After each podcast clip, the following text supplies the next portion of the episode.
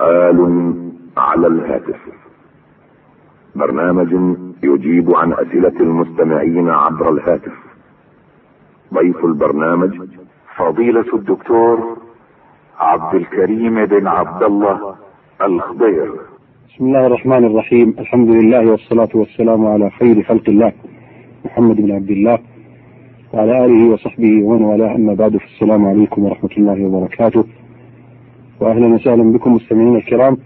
إلى لقاء جديد في سؤال عن الهاتف حيث يسعدنا أن نستضيف فضيلة الشيخ الدكتور عبد الكريم بن عبد الله الخضير فمرحبا بكم فضيلة الشيخ وأهلا وسهلا. حياكم الله وبارك فيكم وفي الأخوة المستمعين. وبك حفظك الله. هذا السائل يقول عندنا عادة في بلادنا عندما يتزوج الواحد ويأتون أو يجيبون الزوجة إلى بيت زوجها يقومون بذبح ذبيحة هل هذه الذبيحة فيها شيء؟ الحمد لله رب العالمين وصلى الله وسلم وبارك على عبده ورسوله نبينا محمد وعلى آله وصحبه أجمعين. إذا انتقلت الزوجة إلى بيت الزوجية. نعم. فالزوج يقيم وليمة. مهم. بهذه المناسبة. نعم. مع أن وليمة العرس تقدمت. نعم. ظهر فيما يمنع إن شاء الله تعالى لأن هذه يدعى إليها الأقارب أقارب الزوج وأقارب الزوجة. هذه المناسبة وجرت عادة المسلمين بها لا يظهر فيها شيء إن شاء الله تعالى. نعم. هذا سؤال أيضا يقول فضيلة الشيخ إني نذرت حيث إذا رزقني الله بولد بعد الزواج أول الأولاد علما آه، أنني أتمنى أن يكون ولد آه، ليست كراهة البنت بل إن رزقني الله ببنت فالحمد لله. ولكن رزقني الله بولد فسأصوم خمسة أيام أو سبعة أيام متتالية وأتصدق بشاة في مكة وأنني شاك في نفسي. هل نذرت بصدقة ألف ريال أم لا؟ علما أن أغلب الظن أنني لم أنذرها لأنني آه، أذكر أنني نذرت فيما أستطيع. وصدقة ألف ريال خارجة عن قدراتي. سؤالي هل آه، أقدم أداء نذري قبل الولادة لأن وقت الولادة يكون في رمضان. السؤال الثاني لا أدري ماذا أفعل في صدقة ألف ريال رغم أنني أشك في هل نذرتها أم لا. ولا لا يلزم النذر حتى يتم ما علق عليه يعني يكون المولود ذكرا نعم. حينئذ يلزم النذر حصول ما علق عليه. نعم. وكونه يقلب يقدم ما نذره هي كاليمين وكفارة اليمين يجوز تقديمها قبل الحنث يمين يجوز تقديمها قبل الحنث نعم. فإذا قدم ذلك آه، لا أرى ما يمنع لأنه انعقد السبب وإن لم يأتي وقت الوجوب. لأن في هذه الصورة كاليمين لها سبب وجوب ووقت وجوب. نعم. فسبب الوجوب التلفظ باليمين أو بالنذر. ووقت الوجوب حصول ما علق عليه في النذر والحنث في اليمين. فيجوز التقديم على وقت الوجوب بعد انعقاد سبب الوجوب. والحديث الصحيح لا أحلف على يمين فأرى غير خيرا منها إلا كفرت عن يميني ثم أتيت الذي هو خير. كفر عن يمينه قبل أن يحنث. وجاء أيضا الحديث بلفظ آخر إلا أتيت الذي خير ثم كفرت عن يميني. وعلى كل حال كونه يكفر بعد الحنث آه، يجوز اتفاقا بلا خلاف.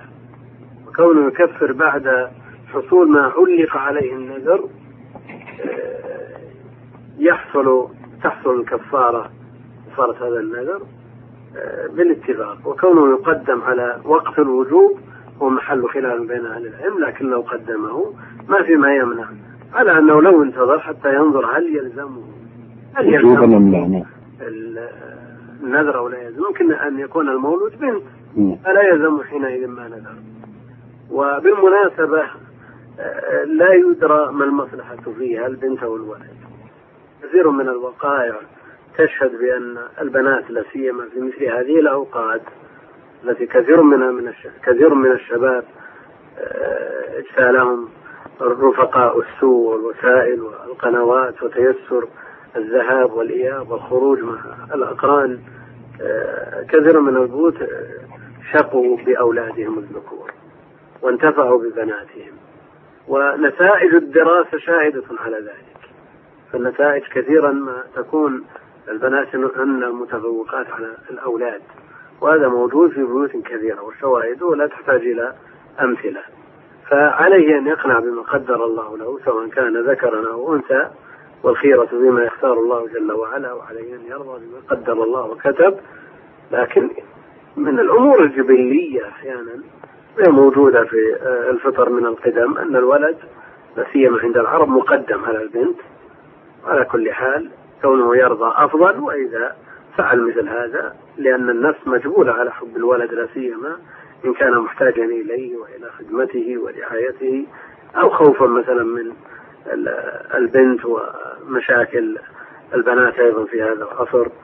آه، معروفة تولي بعض البيوت بشيء من المشاكل لكن على كل حال عليه أن يرضى بما قدر الله جل وعلا. وإذا تلفظ بمثل هذا النذر فعليه أيضا أن يصبر وينتظر حتى ينظر هل يلزمه النذر أو لا يلزمه ثم إذا حصل فليكفر.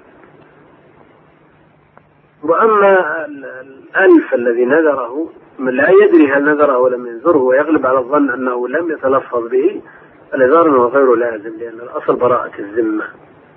أثابكم الله في الشيخ. نأخذ هذا الاتصال. نعم. السلام عليكم. عليكم السلام ورحمة الله. سؤال على الهاتف تفضل السؤال يا أختي فضيلة الشيخ هذه سائلة تقول إنها أم أيتام وهي الولية عليهم والراتب هي التي راتب والدهم كعودي تستلمه وتصرف على هؤلاء الأيتام. تقول إنها تعيش في هذا المجتمع ولا في التواصل. يحدث أن تهدى من قبل البعض فيلزمها أن تهدي أن ترد الهدية بهدية مماثلة أو قريبة منها. تقول ما حكم تصرفي هذا حفظكم الله؟ إذا كانت هذه الهدية لا تضر بالأيتام لا تضر بهم. وتعطى في مقابل هذه الهدية أكثر منها فلا يظهر وجه للمنع أن هذه أمور جرت بها العادة وأمور يسيرة يتعافى الناس بينهم في في مثلها ويتسامحون فلا يظهر وجه للمنع لا سيما أنها شريكة في هذا المعاش التقاعدي لها نصيب منه نعم. تصرف عليهم وتتلقى الإعانات من الجيران والأقارب.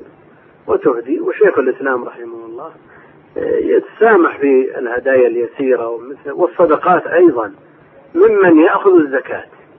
نعم. إذا كان شيء يسير يأخذ الزكاة يأخذ ما يحتاجه من من نفقة وكسوة ومسكن وهي هنا النقطة السائلة نفسها إذا رأى سائل أعطاه مبلغا يسيرا نعم. شيخ الإسلام يتسامح في مثل هذا.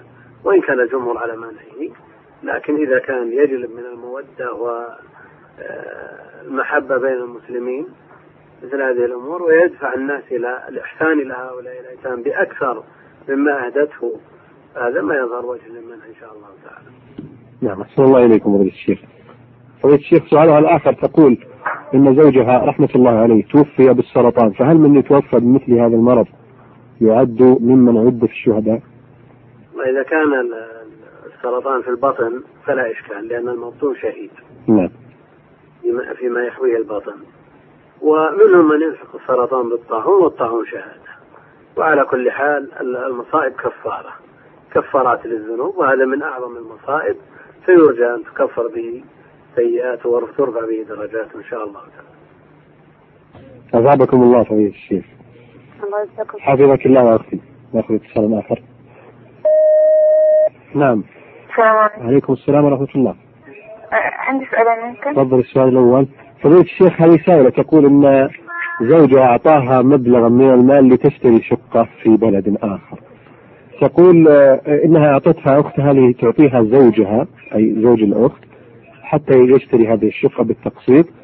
المقصود أن الشاري اشترى الشقة وبقي مبلغ 2000 ريال لكن زوج أختها لم يرد هذا المبلغ وأختها أيضا تذرعت بذلك وقالت أنه أتعاب لزوجها. تقول هذه الزوجة الآن التي دفعت المال لأختها تقول أنني أخشى لو بلغت زوجي آه، لربما صار في قطيعة بينه وبين أهلي. فدفعت هذا المبلغ من عندي أنا لزوجي. فما حكم فعلها هذا؟ هكذا تسأل الأخت. فعل هذا فعل طيب. إنه من باب الإصلاح. بذلت هذا المال من باب الإصلاح. وعليهم أن يردوا الألفين الباقية وإذا كانت هي أجرة المثل واتفقوا على هذا فلا بأس لكن صنيعها هي أحسنت في صنيعها إبقاء للصلة بينهم وعدم القطيعة وهذا من باب الإصلاح وهو من أفضل الأعمال إن شاء الله تعالى. فضيلة الشيخ هذه الأخت أيضا تقول أنها تدرس في تحضر لها الماجستير وأن بحثها أو ما هي ما له علاقة بدراستها يستلزم إجراء بحوث على حيوانات. تقول أنها مثل الفئران أعزكم الله. تقول أنها أحيانا ما آه، يعني يؤذيها أنها تمسك الفأر وتحقنه وشيء من هذا القبيل. فهل لها أن يساعدها أو تساعدها إحدى زميلاتها أو حتى زوجها وهو من نفس التخصص في مثل هذا الأمر؟ علما أن المطلب في هذا البحث هو النتيجة وليس آه، عمل هذه الأشياء التفصيلية. نقول إذا كانت هذه المساعدة لا أثر لها في نتيجة البحث في هذا الحيوان. نعم البحوث التي تجرى على هذا الحيوان سواء باشرتها بنفسها أو أعانها من أعانها لكن هذه الإعانة لا تؤثر في نتيجة البحث. نعم نعم. بحيث تتوصل إلى النتائج التي لا تختلف سواء كانت أمسكتها بيدها أو عنها غيرها. إذا كانت النتيجة نتيجة البحث في هذا الحيوان لا تتأثر فحينئذ المساعدة لا, بأس بها إن شاء الله تعالى.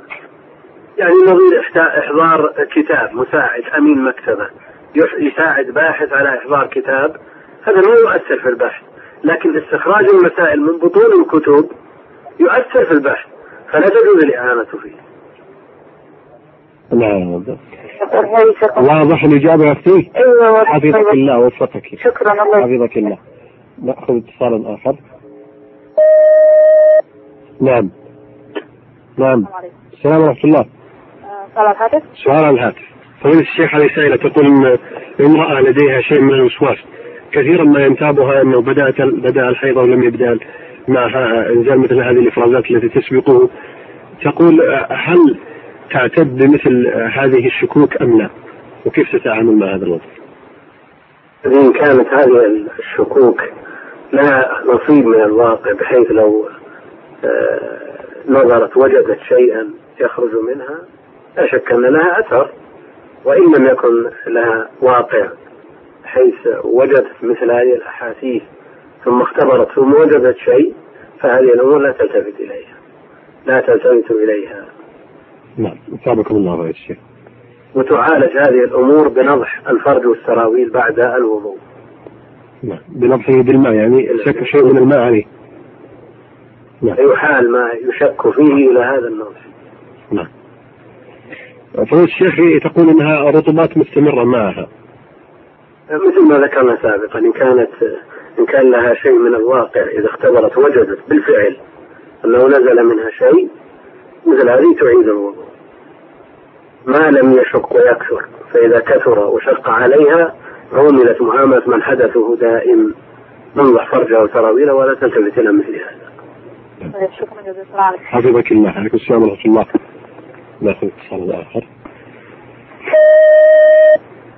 نعم. عليكم السلام ورحمة الله. سؤال هذا؟ تفضل يا أختي نعم.